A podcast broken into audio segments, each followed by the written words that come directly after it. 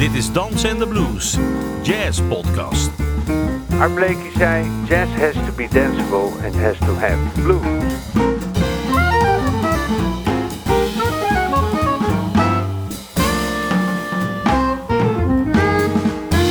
Je luistert naar een aflevering van Dansen en de Blues. Een podcast over jazz met kleurrijke gasten, indringende gesprekken, sterke verhalen en vooral swingende muziek. Mijn naam is Ben van der Dungen en vandaag spreek ik met een man die eigenlijk voor een groot gedeelte de Nederlandse jazzgeschiedenis vertegenwoordigt. Het is een levende legende. Het is een, van nature een optimist, een superswinger, eh, iemand met een ongelooflijk goed geheugen en een ongebreidelde energie. Ik heb het over Erik Ineke.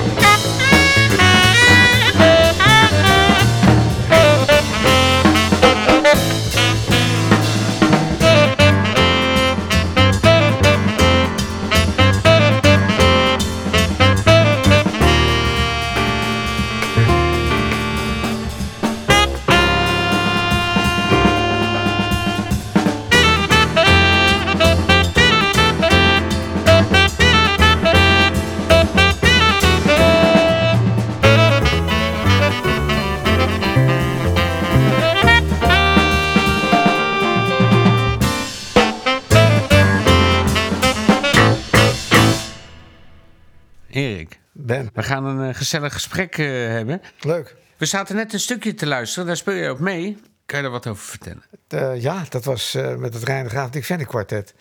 Ja, dat was een, een kwartet, daar heb ik 18 jaar bij gezeten eigenlijk.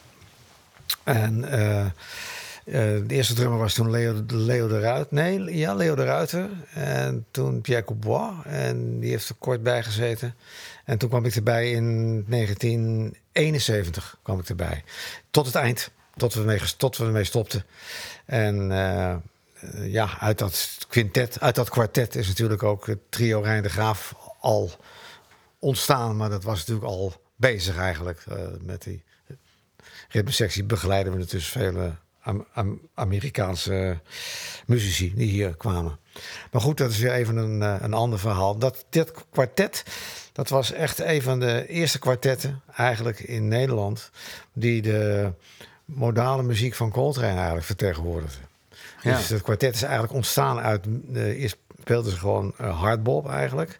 Dat was dan met Leo de Ruiter. En zo langzamerhand met Pierre en met mij... werd dat natuurlijk eh, veel meer een... het ging meer de Coltrane kant op, de modale kant... en ook de wat vrijere kant. En eh, ja, dat, dat was echt zo'n ontzettende eenheid... Als, toen ik erbij kwam zat Henk Haverhoek nog bij voor contrabas. Maar sinds 19, 1977 kwam Koos erbij. En die opname die je net gehoord hebt was al met Koos. Jij hebt er sowieso, eigenlijk als je kijkt naar je hele carrière, eventjes een, een zijspoortje. Maar je, je hebt natuurlijk heel veel met Koos gespeeld. Maar je speelt eigenlijk altijd met een soortzelfde eh tandems eigenlijk. Hè? Ik bedoel, je hebt eh, Harry Emery, daar heb je natuurlijk eh jaren 15 jaar? Hè? En 15 jaar met Marius Harry. En met, eh, met Koos 23 jaar. En met Marius nu inmiddels ook alweer 20 jaar. En op lange reis natuurlijk. En Rob Langreis heb ik, heb ik heel veel meegespeeld. En eh, Hoe komt dat dan? Dat je dat toch altijd uitkiest? Dat je eigenlijk zo, zo'n Ja, tandem ik- wordt? het, dat gaat vanzelf. Ik eh, kies niet bepaald uit, maar eh, waar ik bij gevraagd ben, natuurlijk, behalve Koos natuurlijk, want die, die, die had ik al eerder ontmoet. En die heb ik ook een beetje aanbevolen bij, bij Rijn toen, toen Henk eigenlijk naar Toon Hermans ging. Ah, ja. En dat, ja, je, het is ook een, ja, je kiest dat uit. Laat ik zo zeggen, die kwartnoot van mij, die valt ook precies samen met die kwartnoot van die bassist. Ja, en dan is het eigenlijk al, is het klaar. Dan En- kan je en daar verder ja. jaren mee aan de gang. Ik kon natuurlijk met, Ja. met Harry had ik zo'n klik, met Koos en met Marius ook. Dat, is, eh, dat, dat, dat loopt gewoon van, vanzelf. Dat voel je van beide kanten, komt dat. En dat, ja, dat, waarom, zou je dat, waar, zou- waarom zou je daarmee stoppen eigenlijk? Maar waarom ik het ook zeg, omdat je eigenlijk toch onbewust eh, bepalend bent voor, voor, voor de klank van zo'n orkest. En, en daardoor eigenlijk ook het creatieve verloop. Dat dat, het zijn niet, het- je bent niet zomaar een sideman. Nee, dat klopt inderdaad. Je hebt natuurlijk een, een zeer eh, eh, belangrijke interactieve eh, rol. Eigenlijk. Je, hebt, je, doet, je doet mee aan de interactie wat in zo'n band is. Ja. Zo is het zoals in, in, in jullie band met Jarmo. Was het ook een gigantische interactie. Ja. En dat deden Bas en Drums, die deden daar een flinke duit in het zakje. En Ja. dat was het eigenlijk ook met Rijn de Graaf Dick Vennik kwartet. Met Koos en met mij en daarvoor eerst nog met Henk. Maar eh, in zeer sterke mate met Koos en met mij was dat natuurlijk een, een zeer interactief gebeuren. En dat was later met Marius, met Rijn natuurlijk ook precies hetzelfde. Maar vind je dat de ultimate sideman? Want je hebt een boek geschreven, de Ultimate Sideman. Dat is het eh, Sideman, dat is een hartstikke leuk boek. Dat eh, zit natuurlijk vol met anekdotes. Ja, ik had Maar- er nog veel meer in willen, willen schrijven, maar ik, had, ik zat aan een deadline. Dus dat, dat, op een gegeven moment moest ik daarmee ophouden. Maar ik had nog veel meer willen doen, maar dat, dat ging niet meer. Maar terug in, die, in- in het muzikale context. Vind je, wat vind je dat een ultimate sideman? Vind je dat je toch gewoon een soort onderdeel moet zijn van, van eh, zeg maar de richting, de artistieke richting? Of is de ultieme sideman zoiets als van ik speel eigenlijk alles perfect wat jij wil? Nee, dat is niet. Ik vind dat ik gewoon onderdeel wil zijn. Ja. Onderdeel zijn van het muziek. Het komt eigenlijk misschien wel voort zoals ik zelf begonnen ben. Want ik, ik, op een gegeven moment had ik door dat je ding, ding, ding, ding... gewoon gezellig op een stoel met je hand mee kan spelen. En ik denk, ah, dat swingt zeg. En je hield natuurlijk al... Ik hield van, al van kind, kinds af aan al van, van jazzmuziek. Muziek, gewoon dat, dat, dat, dat, Ja. dat rhythm en gewoon de, de muziek. Je had radio vroeger en dan hoorde je eigenlijk alleen maar swingmuziek op. Wat je nou allemaal hoort, dat kunnen we beter niet over hebben. Maar wat je, wat je eh, geeft niks. Maar wat je toen hoorde, dat was eigenlijk swingmuziek. Daar groeide ik mee, mee op. Nou, je had natuurlijk ook de popmuziek kunnen kiezen, maar dat heb je gelukkig niet gedaan. Nee, maar zelfs de popmuziek vroeger, zoals van eh, Elvis Presley en zo en Bill Haley, dat had toch een soort swing rhythm ergens. Ja, ja, ja. Dat werd later werd het veel poppier natuurlijk, maar dat, dat, toch was het gewoon een shuffle, weet je wel. Ja, ja, ja. ja. Hè, Rock Around the Clock is gewoon een shuffle hoor, verder niks. Nou, we gaan een aantal stukken live spelen. Met Ja. wie, wie ga je dat doen? Dat ga ik doen met een eh, gedeelte van mijn quintet. En dat is Sjoerd Dijkhuizen, Kop van Bavel en Marius Beets.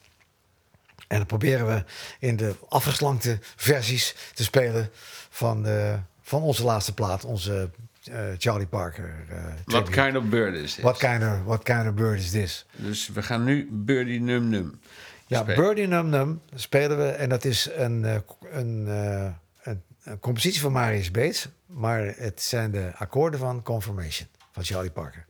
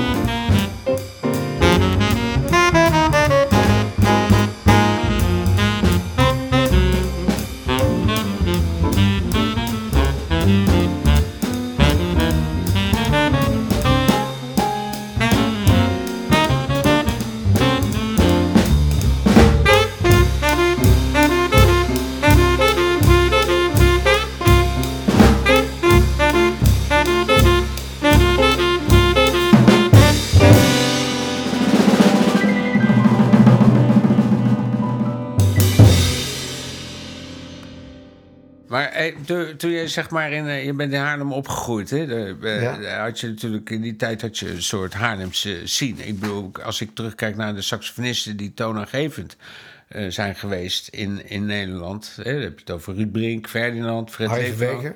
Harry Verbeke, niet te vergeten. Nee, Diamond, zeker Diamond 5. Hoe, je viel eigenlijk met je neus in, in de boter daar. Ja, ik had het, Haarlem had toen de tijd, eh, zeker eh, eind jaren 50, zeker jaren 60, een hele goede jazz scene eigenlijk. Want de Haar- dat kwam eigenlijk door de Haarlemse Jazzclub. Wat toen zo'n een van de leukste jazzclubs toen de tijd in de jaren 60. Zeker de, de, de, de rond eh 64, 65, 66. Was, het was in de Koude Hoornkazerne in Den Haag. En het was een klein, Hè, ze had een bar en dan nog een zijkamer. En eh, daar speelde iedereen. Maar het was zo, je zit zo op elkaar, ook me- het was zo gezellig. En er waren jam sessies. Dus op een gegeven ogenblik, toen, toen eh, was vanaf v- 65 denk ik, 64, 65 jaar, kwam ik daar. Toen eh, werd ik een soort huisdrummer van die Haarlemse Jazzclub. Dus er kwamen allerlei... eh, ik begon bijvoorbeeld om, eh, eh, zeg maar om negen uur s'avonds met een Dixieland orkest. En dan kwam die nog eens langs. En dan kwam er een swingklaar in het is. Nou, dan gingen we dat ook spelen. Erik, kan jij dat even doen? En op een gegeven moment, op het einde, kwam Ferdinand altijd binnen. En dan speelde gewoon eh hardbop, Coltrane. En, en ja, dus je speelde, ik speelde steeds alle vormen van jazz en swing. Dat Op één avond. op één avond. Dus de hele jazzgeschiedenis kwam al bij. Kwam bijvoorbeeld de New Orleans Seven, dat weet ik nog wel. En toen had ik, die, had die drummer kon niet of iets dergelijks. Erik, zou jij dat eh, kunnen doen of iets dergelijks? En eh, nou ja... maar geen, je hebt eigenlijk geen les gehad, behalve een paar lesjes hier en daar. Ik heb eh, klassiek les gehad, een jaar lang. Van Jan de Gelder. Dat was de paukenist van het Noord-Hollands Philharmonisch Orkest. En dat, dat werkte niet. Hij had wel een Gene boek. Dat vond ik dan nog wel leuk. En, eh, maar dat, dat werkte niet. En ik zag toen de tijd al Johnny Engels op de televisie. Met Pia Beck, geloof ik, was dat. En ik van, hé, hey, dat, is, een- dat, is een, dat is een lekkere drummer, weet je wel. Ja, Zo, ja. zo vogel moet ik les hebben. En eh, dus dat, dat, toen ben ik gaan schrijven voor de schoolkrant met een schoolvriendje. En dan gingen we schrijven over eh dat Swing College Band. En we gingen ook schrijven over de Diamond Five. Toen dachten we van, waarom gaan we die gasten niet interviewen, joh? Dus we zijn bij Kees Slinger thuis geweest. We zijn bij Kees Mal, die woonde bij mij om de hoek. En die had er, bij, mijn, eh, mijn oudste broer is vroeger muzikant geweest. Die heeft al met mijn broer gespeeld. In een, eh, in Wat speelde je broer dan? eh, accordeon, tenorsaxofoon. En ik kwam er op later nog achter dat hij ook drums kon spelen. Wauw. En die swingde als gek. ja? Ja, hij is tien jaar muzikant geweest. Zo'n oorlogsjaar en, en na de oorlog. En op een gegeven ogenblik, toen is hij zakenman geworden. Maar die, eh, die kende Kees Smal dus. En die, eh, eh, die, die, die, en Kees kende, hem, die vond het leuk dat ik als jonge broertje bij hem thuis kwam. En hem ging inter- interviewen. Over de schoolkrant. En niet, nooit be, be- bevroeden dat ik later ook nog met Kees ging spelen. En nog eens een kwartet heb gezeten. Eh, samen met Henk Meutgeert en met Wim Esset. Dat vond ik eh, heel ontzettend leuk. En, eh, maar goed, in ieder geval Kees. En toen kwam ik denk van, nou, Johnny Engels, hè? Vols, dat, dat lukte niet. En Harry Verbeke ook niet. Maar Johnny lukte wel. Die heb ik opgebeld toen. En die zei, ja, kom maar, maar ik heb niet zoveel tijd, maar een uurtje, want ik moet een, eh, ik moet een nieuwe ijskast kopen voor. wij gaan naar Amsterdam en toen, eh, toen zei ik dat ik ook drumde en zo. Nou, toen gaf hij mij een paar drumstokken in mijn hand. Hij zei, speel maar wat. Dus ik ging een beetje time spelen, een beetje swingen zo. En zo. Hé, hey, zegt hij, eh jou wil ik wel lesgeven. Wauw. Dus toen eh, kon ik gelijk eh, bij hem langskomen. En dat werd natuurlijk een hele vriendschappelijke verhouding. Het was ontz- ontzettend leuk. We waren gewoon eigenlijk vrienden. Werd het dat. Ik bedoel, eh, hij nam me mee. Hij nam me mee naar de Sherazade. Ik ging s'nachts met hem mee naar de Sherazade. En dan kon ik bij hem blijven slapen. En eh, toen dus schopte hij met de bühne ook op, weet je wel. Van, nou ga jij spelen, schiet op, weet je wel. Geweldig. En, eh, ja, en hij nam ook mee. En, eh, en eh, op een gegeven moment had ik zelf een, een- een rijbewijs. Toen zei hij, Erik, kan je me even rijden daar naartoe, weet je wel. En dan ga gezellig mee. En dan, nou, het was ontzettend leuk. Zo leerde je gelijk ook heel veel mensen kennen. En hij stelde mij ook altijd voor aan, van ja, dat is een goede swingende drummer, weet je wel. Die, Zo werd de aanstormende muzikus dus geholpen door een ervaren muzikus. Ja, dat is mooi. En zo is het eigenlijk ook met ons gegaan, kan ik me herinneren, Erik. En zo is het ook eh, gegaan met het arrangement wat je nu gaat spelen. En Marius vertelde mij namelijk dat hij eh, als leeropdracht het aan zijn studenten had gegeven: van jongens, schrijf nou eens een stukje met de ritmiek van een, eh, van een bepaald stuk en op een schema van een ander stuk. Jullie spelen dat arrangement en je hebt het op de plaats gezet. En jullie noemen het What Kind of Bird Is This? Ja, wat kind of bird is this? Dat is natuurlijk een heel arrangement voor het quintet. Maar we proberen trachten het hier in de afgeslankte vorm ook te, te spelen. Dat is het ritme van Moose the Mooch van Charlie Parker. Op de akkoorden van What Is Thing Called Love van Cole Porter.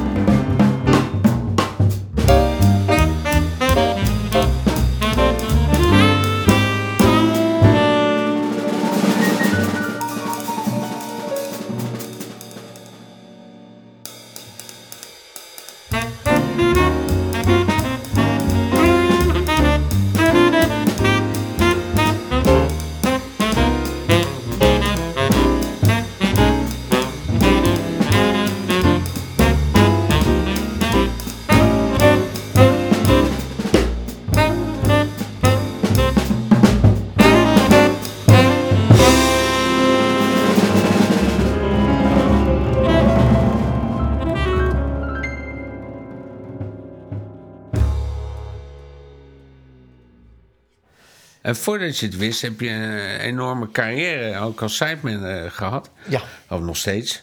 Ik zat op eventjes zo die plaatjes te tellen. Althans, wat ik dan die lijst kon, eh, kon vinden. Dat staat allemaal, eh, kan je vinden op internet. Dat telde ik in de gauwigheid. Wikipedia volgens mij staat het. 114 eh, opnames, hè? CD's. Ja, het, het is nog ineens alles hoor. Want het, het loopt, ik denk dat het zo tegen de. Ik moet haast wel tegen de 150 aanlopen.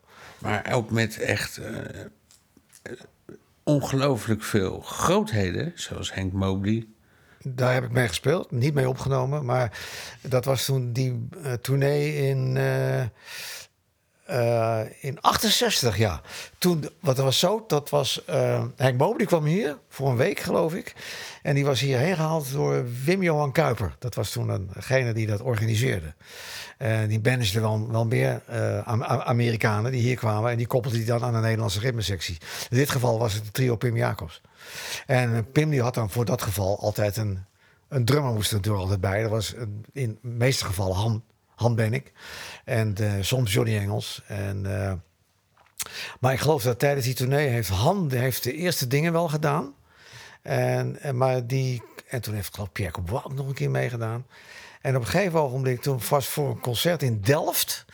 toen eh, zou Philly Joe zo namelijk komen. Maar ja, die is helemaal nooit komen opdagen. En eh, zo is het eigenlijk gegaan, ja. Het zou Hank Mobley en Philly Joe Jones zijn. Maar Philly Joe Jones kwam nooit. Die, kon, die zat in Engeland, geloof ik. Maar dat, ik geloof dat het allemaal niet lukt. Ik weet niet hoe dat zat. Maar in ieder geval was voor eh, dat concert in Delft. Toen kon Han niet en waarschijnlijk Pierre ook niet. En eh, Johnny misschien ook niet. Ik weet niet wie ze verder, eh, hoe dat verder zat. Maar in ieder geval werd eh, Ferdinand gebeld door Wim Johan Kuiper in Haarlem. Van Ferdinand, eh, ik heb een drummer. En weet jij toevallig misschien iemand die een goede... Hij zegt, Ferdinand, nou, waarom bel je Erik niet op? Geef die eens een kans. Vond ik heel leuk van hem. En inderdaad, Wim Johan Kuiper belt mij op. Hij zegt, kan jij eh, morgenavond, zeg maar... eh, ik werkte toen nog even tijdelijk, tijdig om wat geld te verdienen bij mijn broer in de zaak. En eh, de telefoon ging. Wim Johan Kuiper. Erik, kun jij dan morgenavond met, eh, kun je dan met Henk Mobley spelen? En Pim Jacobs en Ruud en Wim Overgouw. In Delft, in Eland. Het werd georganiseerd door Eddie Detemeijer. Zo, Eddie. Eddie, ja. Doet hij toch nog iets goeds? Ja. nou, die doet er wel weer meer goed hoor. Nee, ik maak een Eh, grapje. hij, heeft ook een heel mooi, hij heeft ook een heel mooi jazzblad nu. En eh, op, eh, nou, dat vond ik natuurlijk fantastisch. Dus, nou, maar ik had geen auto, niks. Toen zei mijn broer, die zei van, eh, ik ga een auto voor je huren. Dat komt allemaal goed. Ik ga als chauffeur en die wist wel een garage en die man die reed mij. Ik reed naar Delft. Wat gebeurde er onder, onderweg? De, de olie raakte op in die auto. Ik zeg die man, zeg, dat kan toch allemaal niet? Ik moet die spelen straks, joh. Wat is dat weet je wel? En er was een boerderij. Zegt hij, nou, dan gaan we even naar die boerderij. Dus die loopt naar die boerderij. Of we konden bellen naar een, eh, iets, weet je wel. Ik zeg, ik bel wel een taxi. Je zoekt het maar uit met die auto. ik bel een taxi en ik moet naar Delft. Dus eh, ik heb daar zo'n muurtelefoon bij zo'n boer, bij boer. Heb ik een taxi gebeld. Die man had een nummer van het taxibedrijf. Heb ik een taxi gebeld. Die heeft mij naar Delft gebracht. En toen kwam ik daar. En nou, Pim waren ontzettend aardig, die gasten. Maar dat was geen Henk Mobley, hè? Henk Mobley, die, eh, die lag eh, de- ziek in zijn hotelkamer. Ja, ziek, die, had gewoon, die moest gewoon drugs hebben. En, eh, en eh, dat lukte me gewoon niet om hem die bühne op te, op te krijgen. Toen hebben ze Piet Noordijk gebeld. En dat werd een hele leuke avond. Ferdinand is nog langsgekomen. Dan kon ik weer mee terug naar huis rijden. Dat was ontzettende mazzel. Maar Ferdinand die kwam nog langs. En die, eh, die heeft ook nog meegespeeld. Het was een ontzettend leuke avond. En het ging allemaal vanzelf. Die ritmesectie was zo geweldig. Met, met Ruud en met Pim. Ik werd opgetild. Dus het ging vanzelf eigenlijk. En de jongens vonden het hartstikke fijn. Dus Pim die zegt na afloop tegen mij... Ben jij volgende week vrij? Ook. Want dan spelen we met Henk Mobley in Groningen. En dan moet hij er wel zijn hoor, Henk, Henk Mobley. En dat klopte ook inderdaad. Heeft de, de, mijn broer heeft ervoor gezorgd dat de chauffeur van, ons, van de zaak, dan van mijn broer, met een vrachtwagen ben ik naar Groningen gebracht. Die man moest de hele avond op mij wachten dat ik weer naar huis kom. Oh ja. Uh, wereld. En dat was geweldig, want het was een hele mooie avond. Het was eh, denk ik een van Henk Mobley's betere avonden in de, tijdens die. eh, het is toch tour. ongelooflijk. En ik vond het ongelooflijk. Want ik had Henk Mobley net een paar jaar, twee jaar geleden daarvoor gezien in, eh, in New York. En eh, nooit bevroed dat ik ooit met die man zou spelen. En dat was dus de eerste Amerikaan met wie ik speelde. Rijn de Graaf had het georganiseerd. En die heeft zelfs nog meegespeeld de tweede helft van, de, van, de, van, de, van het con- concert. Pim speelde de eerste helft en Rijn de tweede helft. Ik heb er nog foto's van. En van trouwens van die, dat concert in Delft heb ik een tape gekregen. Zo'n reel-to-reel tape, die heb ik ook nog. Wauw. Leuk hè? En je speelt natuurlijk, je hebt, je hebt je hele leven veel gespeeld met, met echt, echt grote, grote gasten zoals Dexter en, en Johnny Griffin. En je hebt ook een plaat opgenomen met eh, Johnny Griffin. Hè? De, de Meets the Tenor Players. Ja, ik heb een, toen ik 70 werd, toen, toen eh, vond ik het wel leuk om, eh, om een eh, compilatie uit te brengen met verschillende te, te- beroemde tenorsaxofonisten uit de jazz, waar, ik, daar, waar opnames van zijn, waar ik, waar ik bij zat. En eh, eh, dat, eh, eh, dat vond ik wel een leuk idee eigenlijk, om dat te gaan doen. Zoiets van eh eh, Erik Hieneke meets the tenor players of iets dergelijks. Dat er iets speciaals was. Ik vond dat er iets, daar moest dan iets speciaals komen. Als er dan een avond voor me werd georganiseerd in het Bimhuis, dan moet je ook met wat leuks komen. Ja. Dus toen heb ik dat, heb ik die plaat. Marijn heeft me daar heel bij, bij geholpen. En eh, Wie staan er allemaal op die plaat? er staat, eh, het begint met Eddie Lockjaw Davis. Ik vond eigenlijk dat ik, het was een hele mooie opname van Body and Soul. Daar kwam Rijn mee aan, wat we toen gedaan hebben in Groningen. En, eh, en Body and Soul is natuurlijk, ja, met Body and Soul, met Como Hawking stond natuurlijk de tenorsaxofoon stond natuurlijk gelijk, op op de op, Ja, de, op de kaart. Op de kaart, hè? Dus dat vond ik wel leuk om daarmee te beginnen ook op die, eh, op die, op die plaat. Verder Dexter van een concert uit Den Haag met Rob Agerbeek en Henk Averhoek, Stablemates. En ook met Griffin in Leeuwarden met Koos en met Rijn. En eh, dat, eh, Welk stuk? dat stuk We, het bekende ritmeschema, Ja. Oké, we gaan draaien. dat staat erop.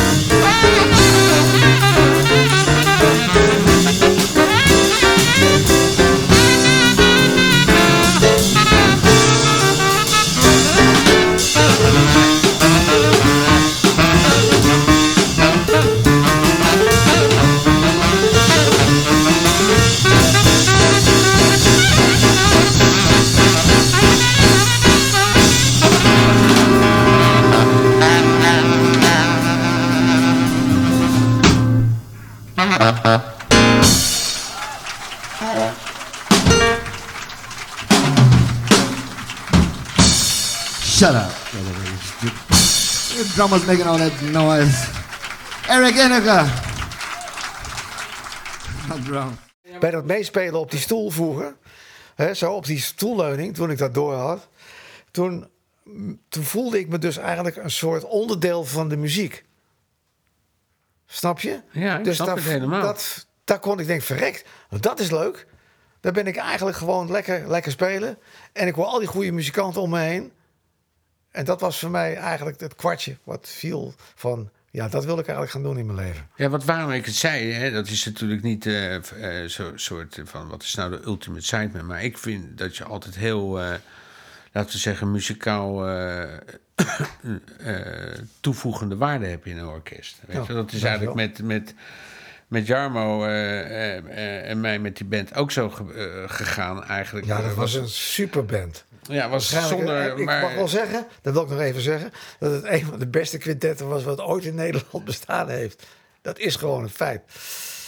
Ja, maar ja, dat heeft is natuurlijk ook aan, aan, aan jou te danken. Want daarvoor speelden we natuurlijk, dan waren we nog zoekende. En dan op een gegeven moment krijg je een soort tandem, wat dan zo bepalend is in van, eh, ja, dit moet er dus gebeuren aan de onderkant.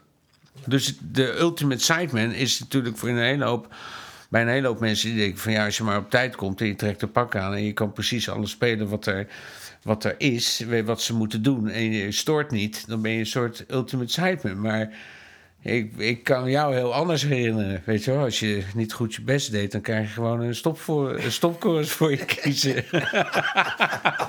Ja, dat was onvergetelijk. Sorry hoor. Weer- Als je het op de bond had gemaakt en je, je, je ergerde je groene geel, boem, zoek het daar maar uit. en dan ook nog meestal in een uptempo stuk. Ja, dat is kijken hoe het met de time zat. Van die- Ja. We een stukje naar Jammer gaan luisteren eigenlijk. Hè? Van, eh, van het quintet, Star Eyes. Ja, dat, dat, dat, dat is een fantastisch arrangement. En dan weet ik namelijk nog heel goed hoe dat gegaan is. Oh, vertel eens. dat was, we, waren, we moesten met het quintet spelen in, in Kopenhagen op festival. En toen eh, was Doug Rainey daar.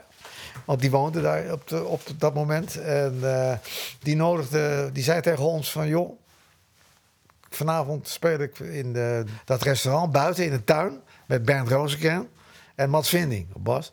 En kom, even, kom daar kijken en dan kun je daar eten gelijk, weet je wel. Want we moesten geloof ik s'nachts weer op de trein terug naar, eh, naar Nederland, weet je nog? Ja. De boottrein s'nachts. En eh, toen speelden ze Starrise. En toen speelden ze het met die Coltrane Changes, Starrise. En dat, dus, dat hebben jullie meteen... Is dat in die achterzak van jullie gegaan? en nog geen eh, paar weken later, toen lag dat Starrise op de lessenaar bij ons. En dat, eh, dat, dat- die changes waren van Doug Rainey. Oké, we gaan even naar luisteren. Star Eyes, Run for Your Wife.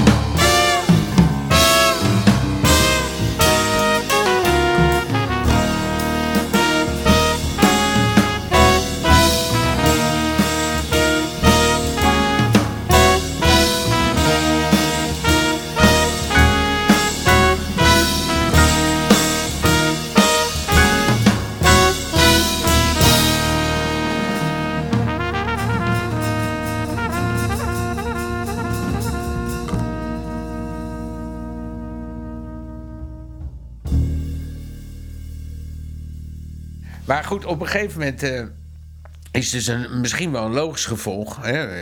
Je gaat in, wanneer is dat? 2006 begin je je eigen... Ja, laat eigenlijk. Ja, dat is laat in je carrière. Maar misschien eigenlijk wel goed. Want dan had je eigenlijk alle shit achter je. En dan kon je eens met, met, met een. Dan heb je een soort zekerheid voor jezelf gecreëerd. Voordat je als mens ook gewoon wat. eh, dat je een zekere rust hebt gekregen.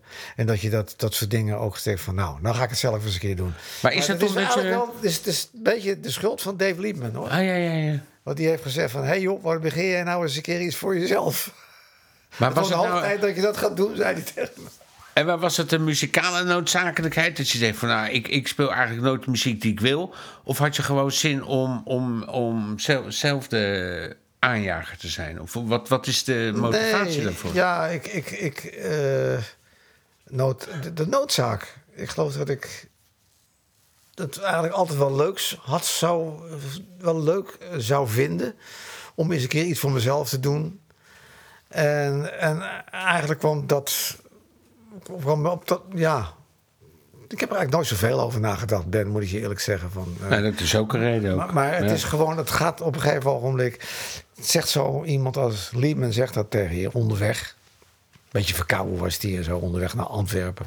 Hé hey Erik, joh, dan begin je nou eens een keer. Man, you should have a band for yourselves. Get some younger guys and, and uh, kick some ass and play. uh, Ja. zei, ja. En toevallig die avond ik dan met Liep en Marius in, in, in Hopper in Antwerpen. Ik zeg tegen Marius, wil jij mijn bassist worden? Toen zegt Marius, zegt, nou... Ik zeg, en Sjoerd kwam ik luisteren. Toen zegt hij, Sjoerd, wil jij die, ten, die wil jij tenor spelen? nou, zegt Sjoerd, verdorie, dan beginnen we quintet. Een hardbop quintet. Want uiteindelijk kom ik daar toch, is dat toch wat het beste bij mij. En toen zegt Sjoerd en Marius, die zeiden, joh, daar zitten we al jaren op te wachten dat je hier wat zou beginnen. Laten we gaan luisteren naar Ladybird. Met een geweldige rol voor tenorsaxofonist Lucky Thompson.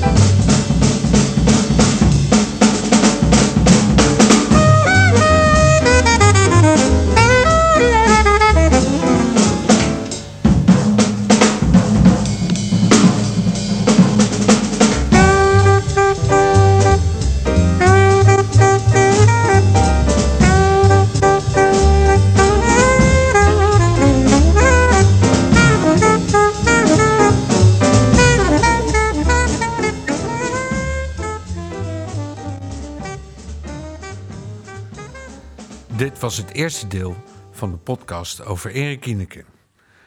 Meer mooie verhalen en swingende muziek kunt u beluisteren in deel 2. Dit was Dansen en de Blues, een podcast over jazz door Ben van der Dungen, Thijs Nissen en Tom Ridderbeeks. Abonneer je snel en laat een goede waardering achter. Wil je meer weten? Kijk dan op dansenendeblues.nl en volg ons op Instagram en Facebook. Dankjewel voor het luisteren en tot de volgende keer.